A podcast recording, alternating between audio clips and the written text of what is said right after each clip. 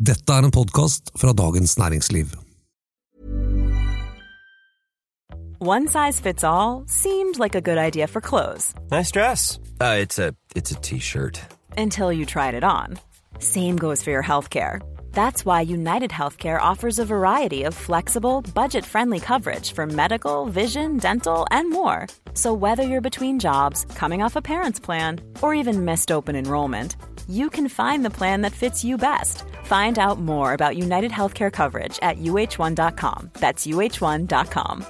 It's that time of the year. Your vacation is coming up. You can already hear the beach waves, feel the warm breeze, relax, and think about work. You really, really want it all to work out while you're away. Monday.com gives you and the team that peace of mind. When all work is on one platform and everyone's in sync, things just flow wherever you are. Tap the banner to go to Monday.com.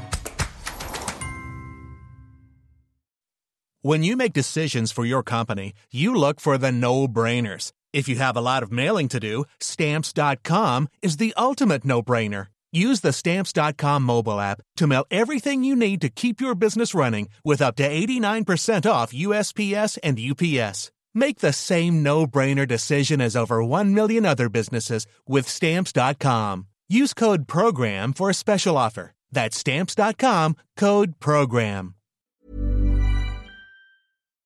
Nå skal justisminister Emilie Enger Mehl opp 25. juni-rapporten, men det spørs om hun tar skikkelig tak der det trengs.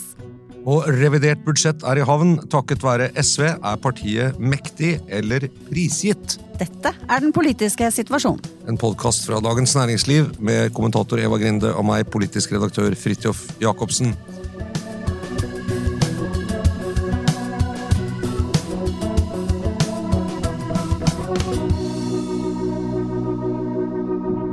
Torsdag i forrige uke kom den såkalte 25. juni-rapporten om arbeidet før, under og etter skytingen i Oslo sentrum i forbindelse med fjorårets pride, der to mennesker ble drept og en andre ble skadd. I dag, onsdag, holdt justisminister Emilie Enger Mehl fra Senterpartiet en redegjørelse om rapporten for Stortinget. Du var der, Eva, i Stortinget. Hva var ditt inntrykk?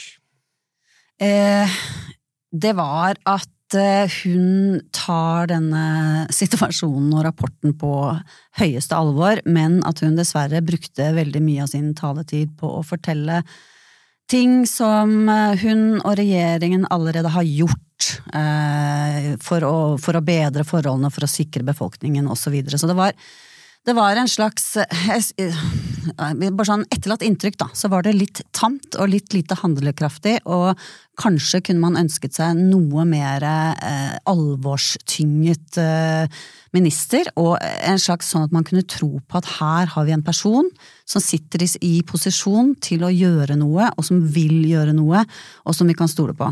Hvis jeg spoler litt tilbake, mange husker dette sikkert, men, men altså eh, eh, Matapour, eh, gjerningsmannen, med forbindelser til Arfan Bhatti, en kjent eh, islamist.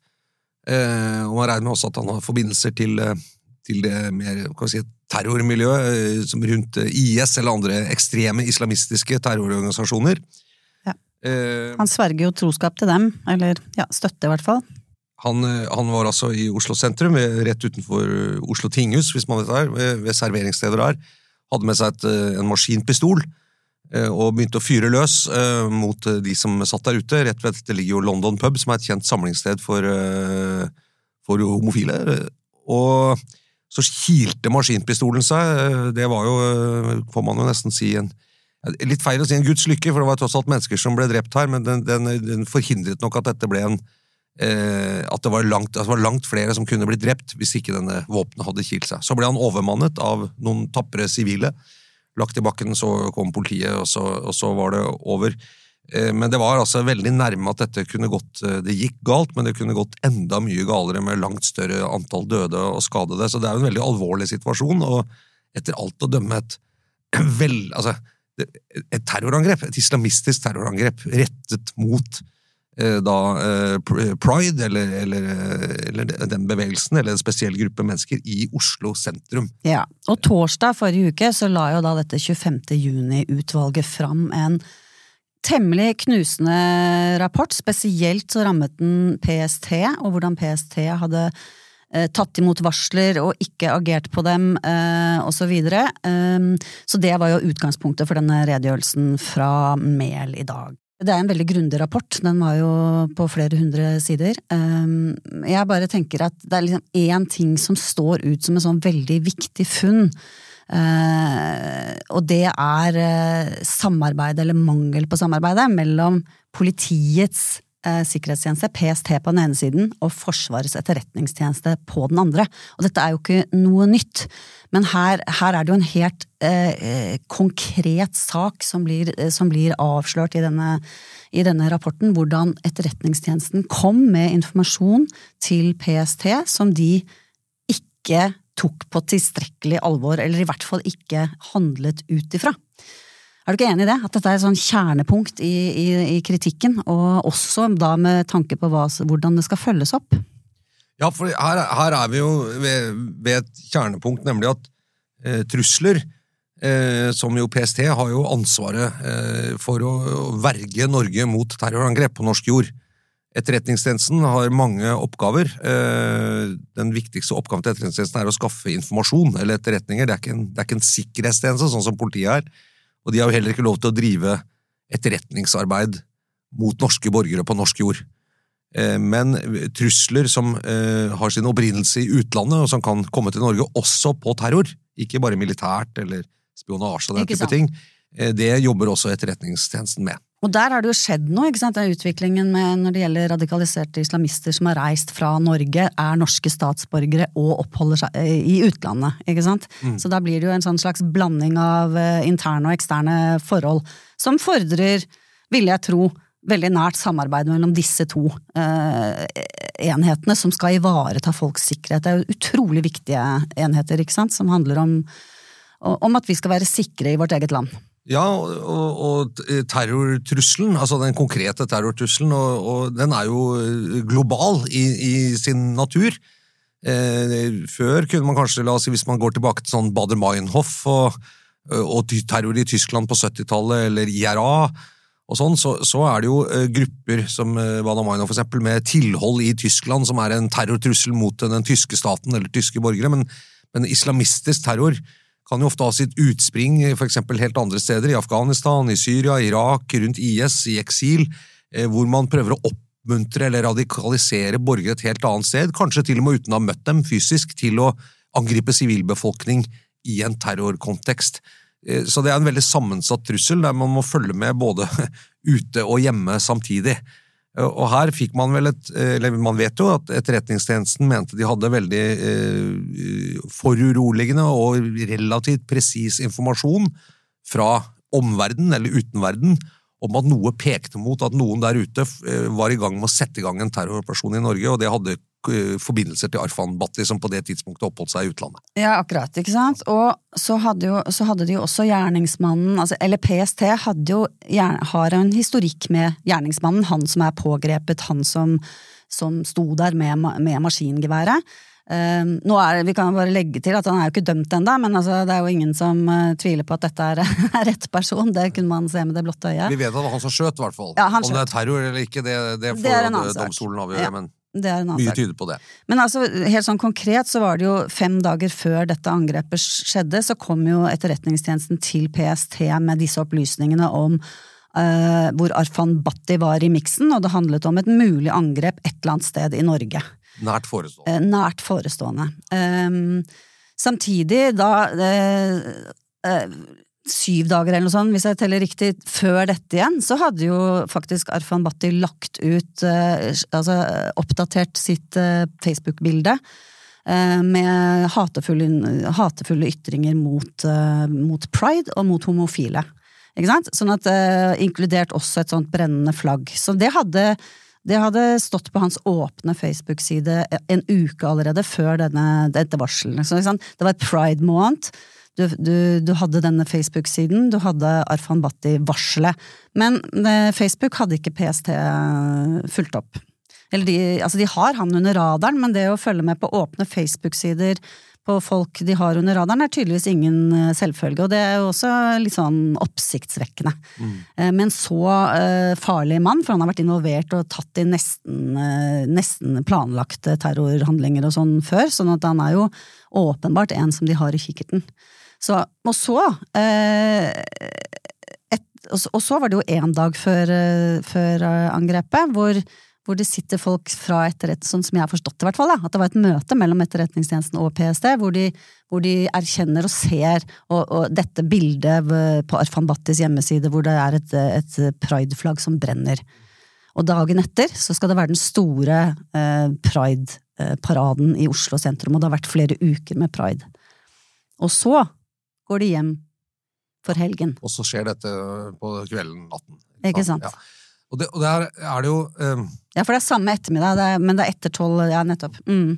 Og så er det jo historien om terrorangrep, eh, og da islamistisk terror i, i Vesten eh, Egentlig mange, både i Frankrike, vi kjenner her, i, i Brussel, eh, andre steder, er jo at når man ser på det i etterkant, så vil man nesten alltid finne et eller annet sted at her var det informasjon og signaler som man sier, vel, hadde vi sett dette på en annen måte, hadde vi agert på det, hadde vi lagt to og to sammen, eller tre og tre, eller fire og fire, så kunne vi kanskje eh, avverget eller forhindret dette terrorangrepet.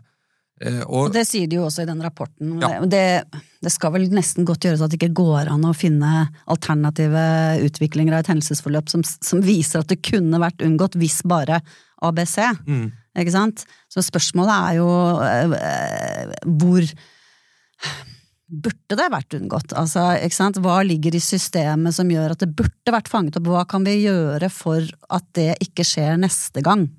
du går, da går du liksom fra det deskriptive til det normative, på en måte. Ikke Ja. Det kunne vært unngått. Ja, det, det kunne jo nesten alle. Mm.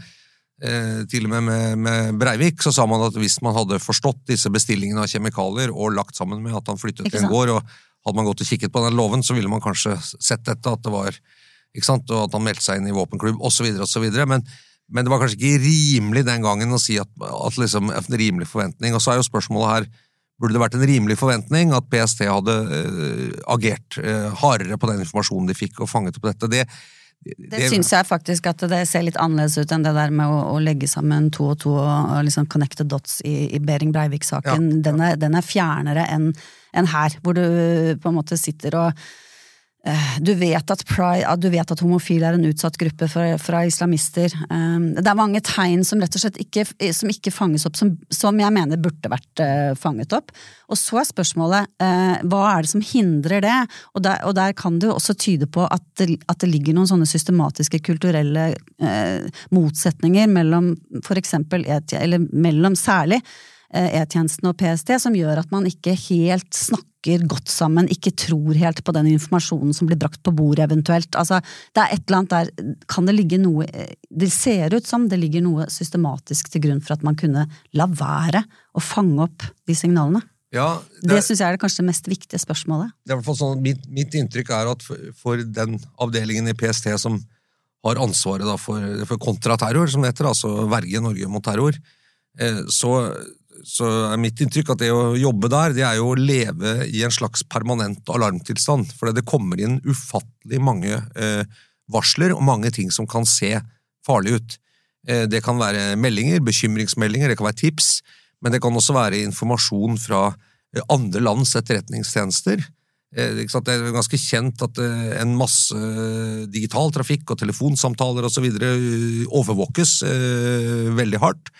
Eh, Og hvis ordet Norway blir nevnt, eller Oslo eller Scandinavia som blir nevnt, så er det relativt rutinemessig, som jeg forstår, at, eh, at man da sender over den informasjonen og sier hei, vi plukket opp dette her. Mm. Det, er sånn, det er et stykke informasjon, det er en samtale vi plukka opp. Det, dere får se på det, vi, vi sender over, akkurat som hvis man fanger opp noe om Tyskland eller Sverige eller Det er bra Eller det ikke er UK, totalt, det er bra de ikke er totalt paranoide også. Altså, det kan ikke ta selvfølgelig alle de tipsene like alvorlig, må man utvikler vel en sånn radar for når ja, når, når et tips står ut, da, og når det er bare ting å overse. Ja, altså me Mengden av måte informasjon som burde utløse bekymring, er veldig stor.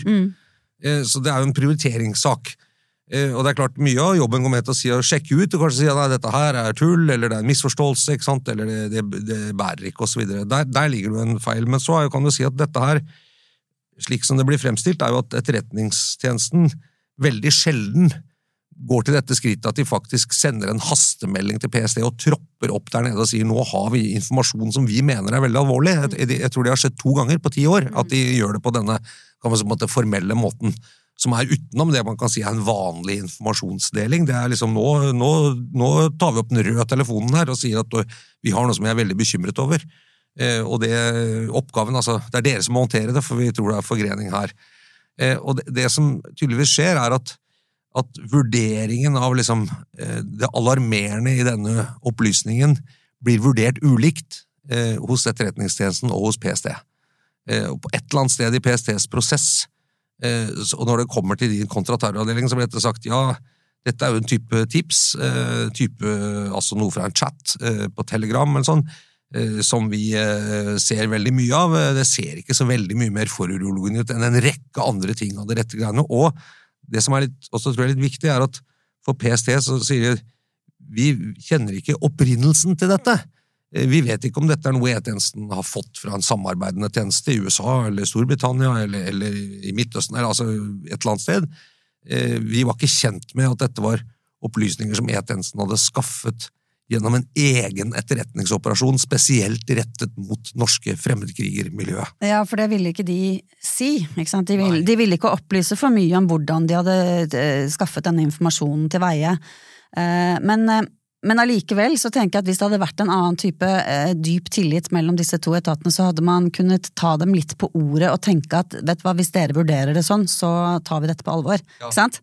At det er der man lurer på om det er eh, noe i kultur og måte å tenke på, og for lite samkvem mellom dem. Altså, sånn som Inge, Emilie Enger Mehl i dag sa liksom eh, og nå skal, sånn som hun sier, sjef PST og sjef etterretning, som det heter, har jeg lært nå, siste, møtes. Det har de funnet ut at de skulle møtes nå etter denne rapporten 25. juni. Bare sånn tenkte, jeg håper ikke dette er liksom første gang på veldig lenge, hvis du skjønner. ikke sant? Nei, det, det er nok ikke, men... Nei, men altså, det, det, ble brukt som et uh, argument for alt det som nå settes i gang av viktige tiltak, ikke sant.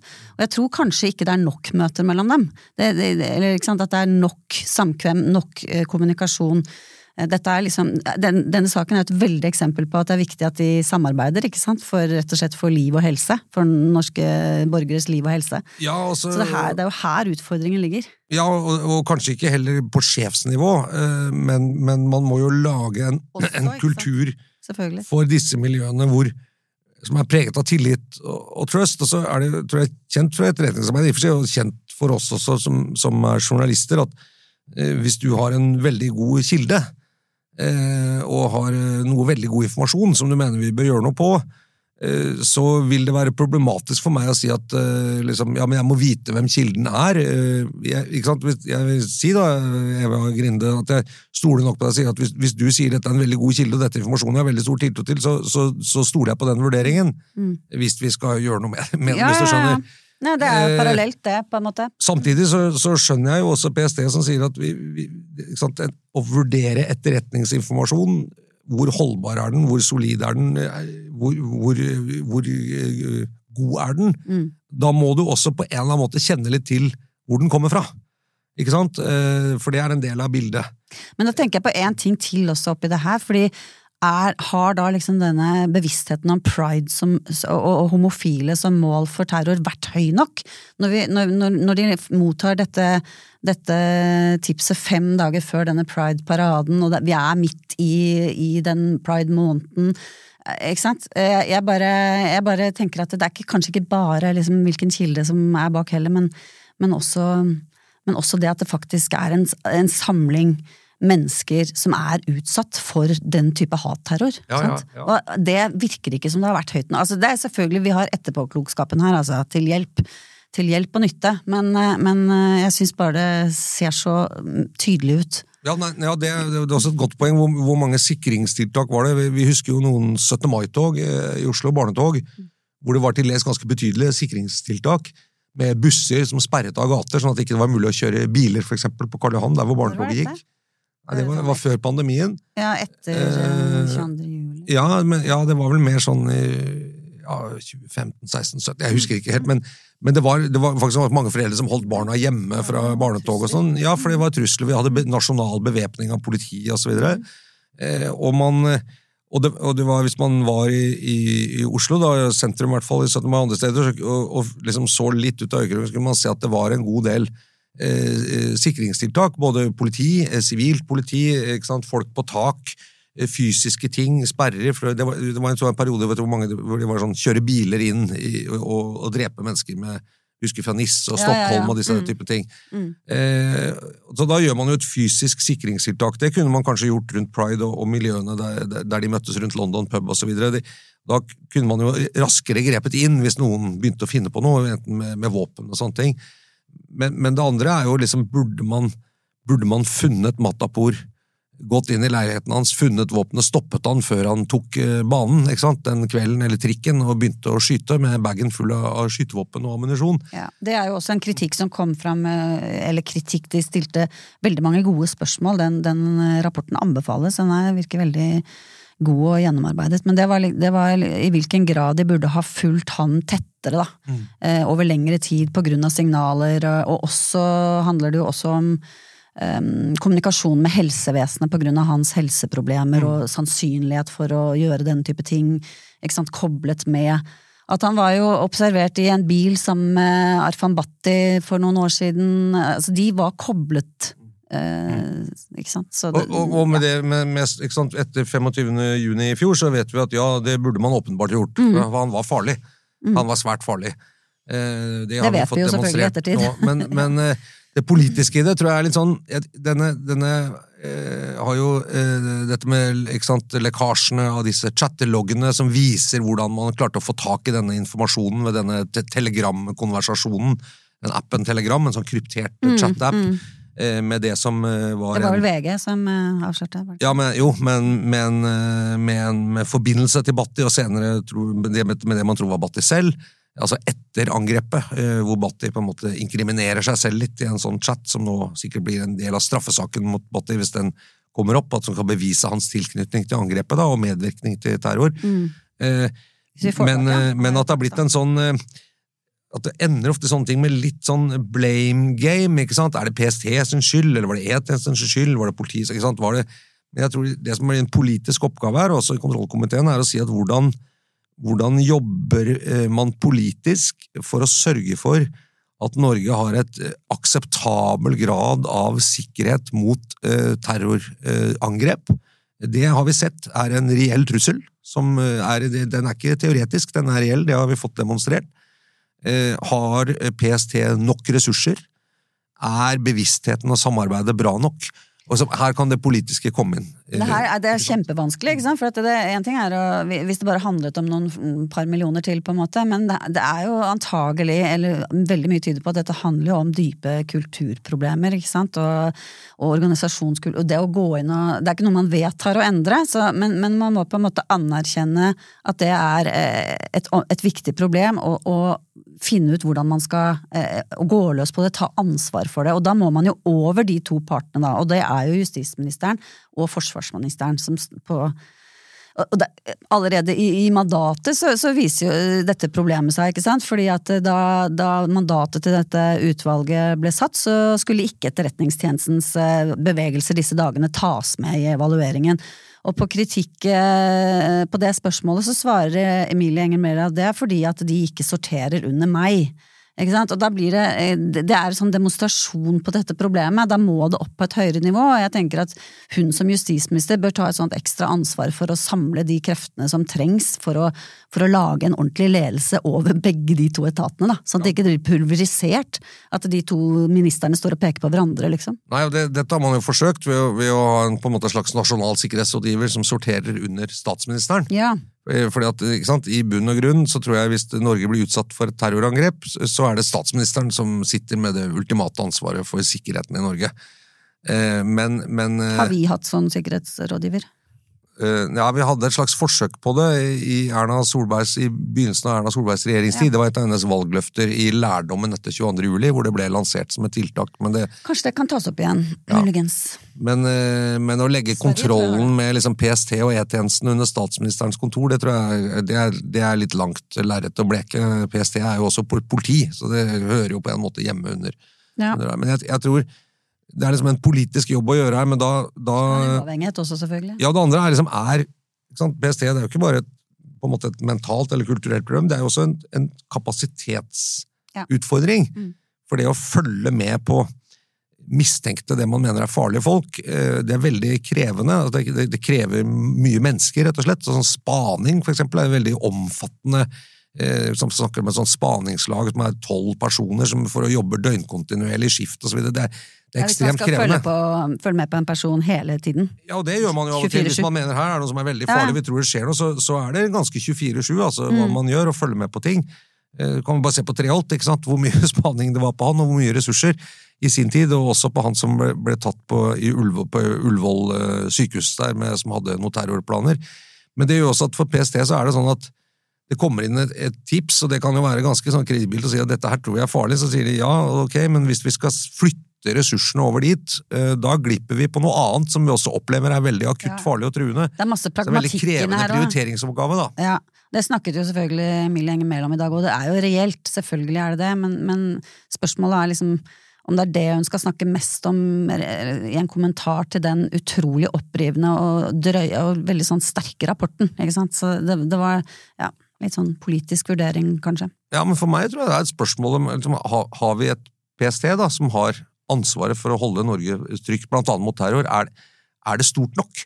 Altså, har, vi, har vi gitt PST nok ressurser til å håndtere en trussel som er ganske krevende å håndtere, også rent sånn kapasitetsmessig? Eh, Det er jo et spørsmål vi kanskje burde stille etter det. Hvis det er liksom mangel på folk Mm. som gjør at man ikke liksom evner å håndtere mer enn et par-tre saker av gangen, Mm. ja, jo, men det, det henger jo litt sammen. Ja. Eh, ikke sant? Hva, eh, hva hvis man hadde sluppet på det- så de, de angrepene man får avverget eller stoppet før de blir realitet, hører vi jo aldri om. Nei, nei, Ikke sant? nei, det er et poeng. Så, så det er jo også på en måte De gjør nok mye Da, da må man inn og lese årsrapporter og sånn, og selv da får man selvfølgelig ikke detaljer, men eh, Nei da, det er sant, det, det blir veldig lagt merke til når det skjærer seg, og så, så er det jo veldig mye av det daglige som handler om å avverge. Uh, men ja, det, det ble jo en bev- ekstrabevilgning rett etter 25. juni. Uh, Ja. ja, antall millioner og den type ting kommer nok helt sikkert til å bli et tema. ja, Et eksempel da, da vi skjønte at norske olje- og, og gassrørledninger i Nordsjøen etter Nord Stream og krigen i Ukraina kunne være truet, så ble det brukt veldig mye ressurser på å beskytte dem. Mm. Veldig fort, for jeg skjønte at det, det, og det er en omfattende trussel å, å, liksom ha kontroll på alle disse olje- og gassrørledningene. Det det er enorme områder osv., men det, bare sagt, det, må, det må vi bare gjøre. og Vi fikk jo også fått hjelp fra allierte og sånt for å gjøre, holde det, fordi man var redd for det. Eh, Så man må jo på en måte tilpasse kapasiteten litt etter nivået på trusselen. Man kan ikke liksom tenke vi har det vi har, og så får vi håndtere de truslene vi klarer. Hvis trusselbildet er mye mer alvorlig og større enn det, enn det vi tror, så, så tror jeg kanskje man er nødt til å gjøre noe med det, og det blir jo et politisk spørsmål. Mm. Så får vi se hvor dette ender, men jeg er ikke så veldig optimistisk. Jeg, det virker som om mange her prøver liksom bare å padle seg litt ut av det og si at vel, vel, eh, det er ikke mitt ansvar. Altså, så fortsetter vi litt som vanlig, da. Det er et par ting som skal skje nå. Da. De skal ha en, eh, en eh, rapport om oppfølgingen av denne rapporten. Ja, som kommer i løpet av, av juni, og så skal jo kontroll- og konstitusjonskomiteen behandle denne redegjørelsen og sikkert komme med noen klare krav og oppfordringer til regjeringen, regner jeg med. Men den rapporten var jo heller ikke bestilt av regjeringen, den var jo bestilt av politiet selv, var den ikke det? Jo, det var den. Ja.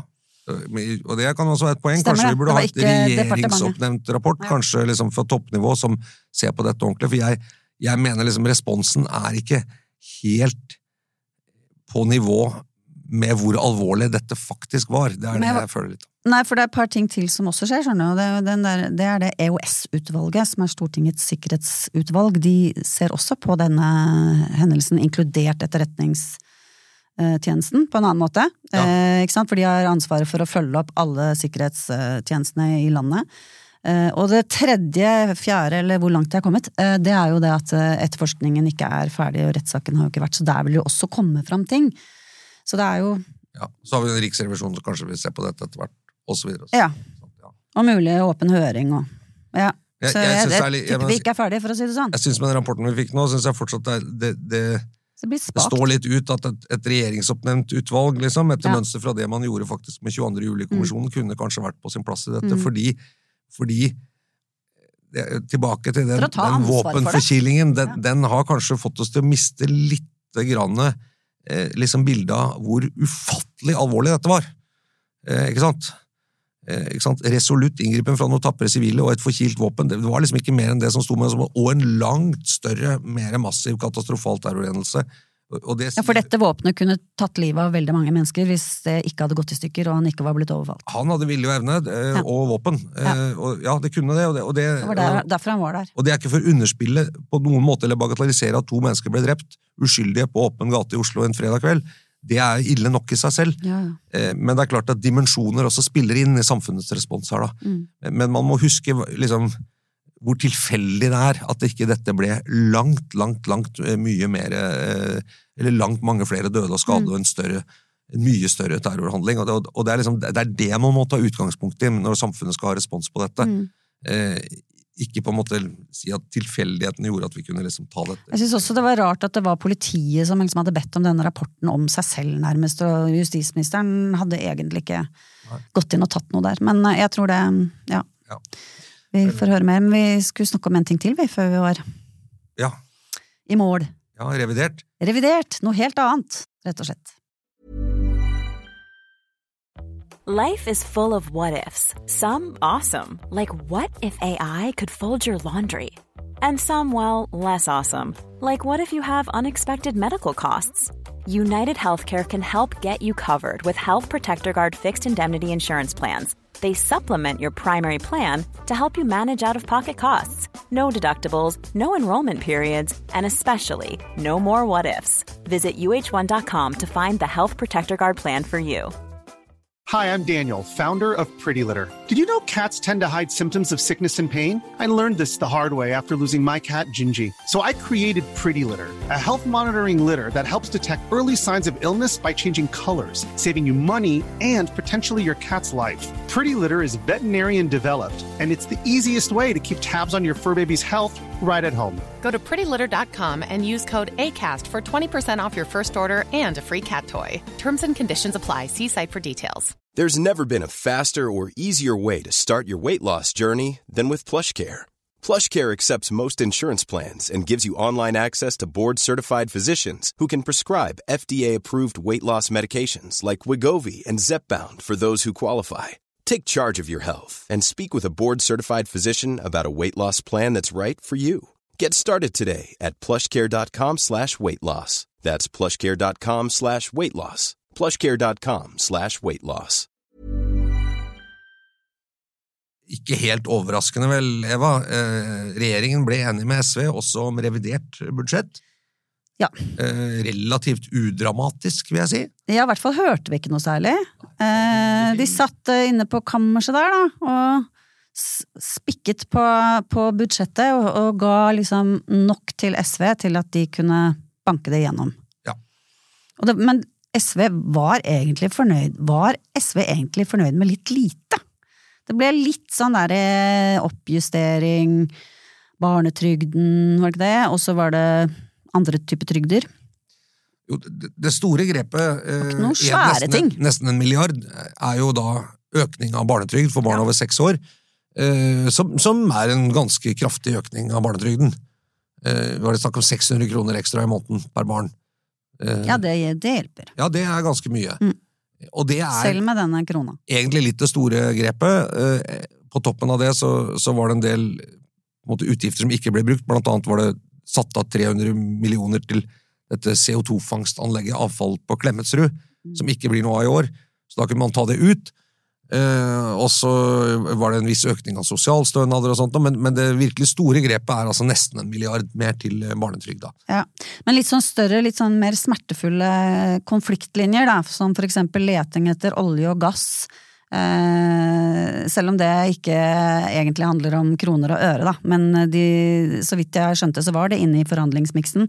Det er jo noe SV veldig gjerne vil dytte på. De er litt ukomfortable, eller bør kanskje være i hvert fall, litt ukomfortable med, med den eh, dieselprofilen, holdt jeg på å si, på, på regjeringen. Som de jo er med å støtte, da. Mm. Så det var det ene, og det andre var dette, denne retten til, eh, til å eh, Altså formuer, at man kan sette det Man kan eh, spare overskuddet sitt inn i konserner og slippe å betale skatt på utbytte, ikke sant? Fritaksmodellen. Fritaksmodellen. Den ville de jo også helst endre på, og det, og det? De jo, den er jo kobla til dette det smutthullet eh, som vi hadde, ikke sant, når, eh, når man kunne reise da ut av landet. Eh, og etter fem år så kunne man bare ta ut disse pengene som man hadde saltet i konsernet sitt, skattefritt.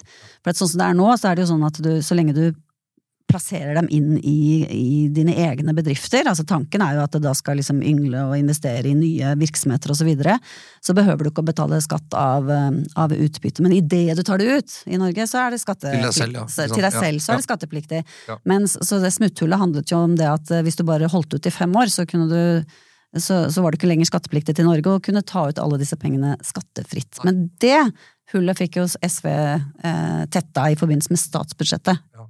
I, i høst. Ja. Men de ville gå videre på, på den modellen. Ja, ja, det kunne vant ikke ikke sant, fram med. stoppe Sveitsstrømmen og si at det Ja. skulle og sånn. Nei, det, og SV har jo valgt da, det, også denne gangen å si vi er ikke så opptatt på en måte av å påføre regjeringen nederlag, vi er opptatt av å få noen seire selv, eh, uten at vi egentlig bryr oss så veldig mye med å påføre nederlag, som, er, som gjør det litt enklere, selvfølgelig. Men, men prisen er jo at man måtte bruke mer penger da, i statsbudsjettet for å komme SV Altså, man, Ja. man prioriterte ikke ned noe for å gi SV det, da. man la på litt mer penger i statsbudsjettet. Ja, og så er spørsmålet hvordan, hvordan oppfattes da SV av sine tilhengere her? Oppfattes de som, som, som at de er blitt fanget av, eh, av en regjering som fører en politikk som SV egentlig ikke er for, eller oppfattes de som de selv sier på inn- og utpust, liksom, at vi dytter i riktig retning. Ja, vi får ikke som vi vil, og vi er realistiske og så og det er eh, forhandlinger og kompromisser, men vi dytter i riktig retning. Så liksom, jeg bare lurer på hvor den balansen går, da, ikke sant. Det er jo eh, De har jo på en måte gifta seg litt med en regjering som står for en del andre ting de, enn de står for. Ja, men det er, er kanskje en kritikk som fremføres av folk som ikke stemmer SV, og som ønsker å ta mer. Meningsmålingene tyder jo på at SV-velgerne er fornøyd med SV, og måten de håndterer sin Mm. Ja, så på. Ja. Eh, Får vi se etter dette revidert, men hvis de var fornøyd sist, så var det ikke noe, jeg tror ikke det er noen grunn til at SV-velgere skulle være misfornøyd med økt barnetrygd og, og litt høyere sosialstønad og rett til feriepenger så videre, for de som går på trygd. Det Så jeg, jeg, jeg tror jeg tror Men det spørs litt om det er mer sånne fundamentale ting som man føler at, at man er med å ja, for eksempel eh, såpass olje- og gassvennlig politikk, ikke sant, eh, versus klima og miljø. Uh, om, om de får Jeg, jeg, jeg, vet ikke. Jeg syns det er interessant å, å se om de kan liksom bevare sin egenart, da. Uh, og samtidig være en så viktig støttespiller for regjeringen. Ja, Kritikken fra Rødt er jo at ikke det er nok fordeling ikke sant? fra Mm. de rike og til de med dårlig råd. Det er jo kritikken fra Rødt som de har kjørt mot SV her. Mm. Kritikken fra MDG er at de ikke de gjør nok for klima. Eh, men vi får se. det er klart Hvis vi ser nå inn mot sommeren og, og, og lokalvalget at SV plutselig begynner å falle ned fra et nivå rundt eh, 8-9 og Mm. ned på 5-6, så er det jo kanskje noe som har skåret seg her. Men jeg syns det er bra for landet, da. Jeg tenker at det, jeg syns SV oppfører seg eh, ansvarlig, og sånn at vi liksom kommer i mål og uten de helt store konfliktene og den type ting. Så Ja, Det er en resultatorientert utøvelse av den opposisjonsrollen, da, vil jeg si. det er det, og det er litt interessant å se, for de hadde jo ikke behøvd å være fullt så tamme, liksom. Nei, altså VCD også har en ganske klar sånn sosial fordelingsprofil, med både barnetrygd og økte sosialstønader, og også noe rydde opp Og det altså er det jo fra regjeringen og også. Selvfølgelig, Ja. der er de jo på linje.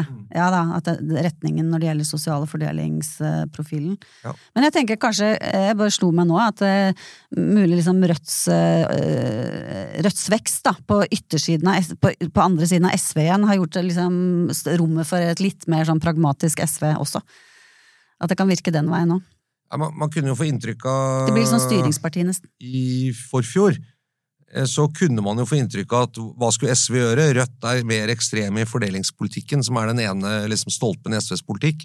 Og MDG er mye mer eh, frampå i, i klimapolitikken, som er den andre stolpen. Mm. Er det noe plass til SV her? Fasiten ble jo at MDG klarte ikke å komme over sperregrensen. SV gjorde et eh, godt valg og sikret seg en, eh, på en måte en lukrativ opposisjonsposisjon. Og Rødt gjør det bra, men Rødt har ikke sett noen sånn voldsom vekst i, siden denne perioden, siden SV ble en budsjettpartner.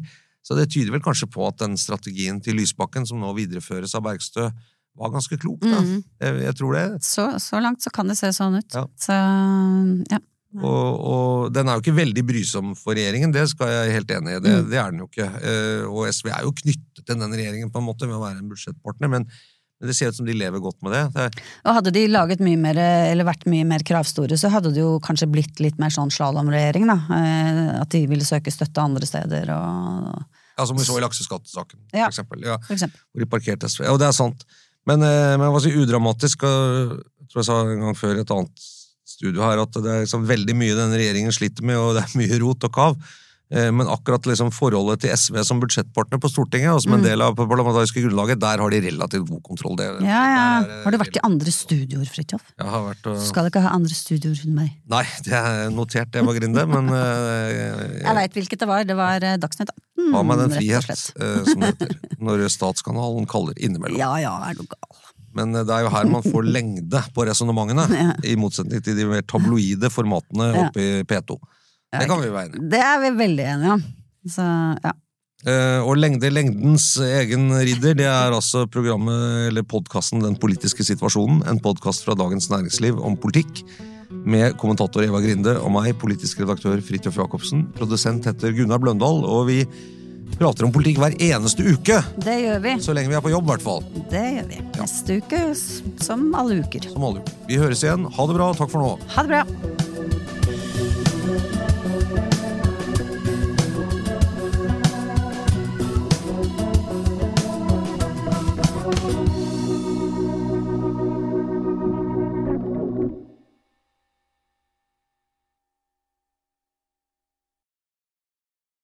Du har nå hørt en podkast fra Dagens Næringsliv.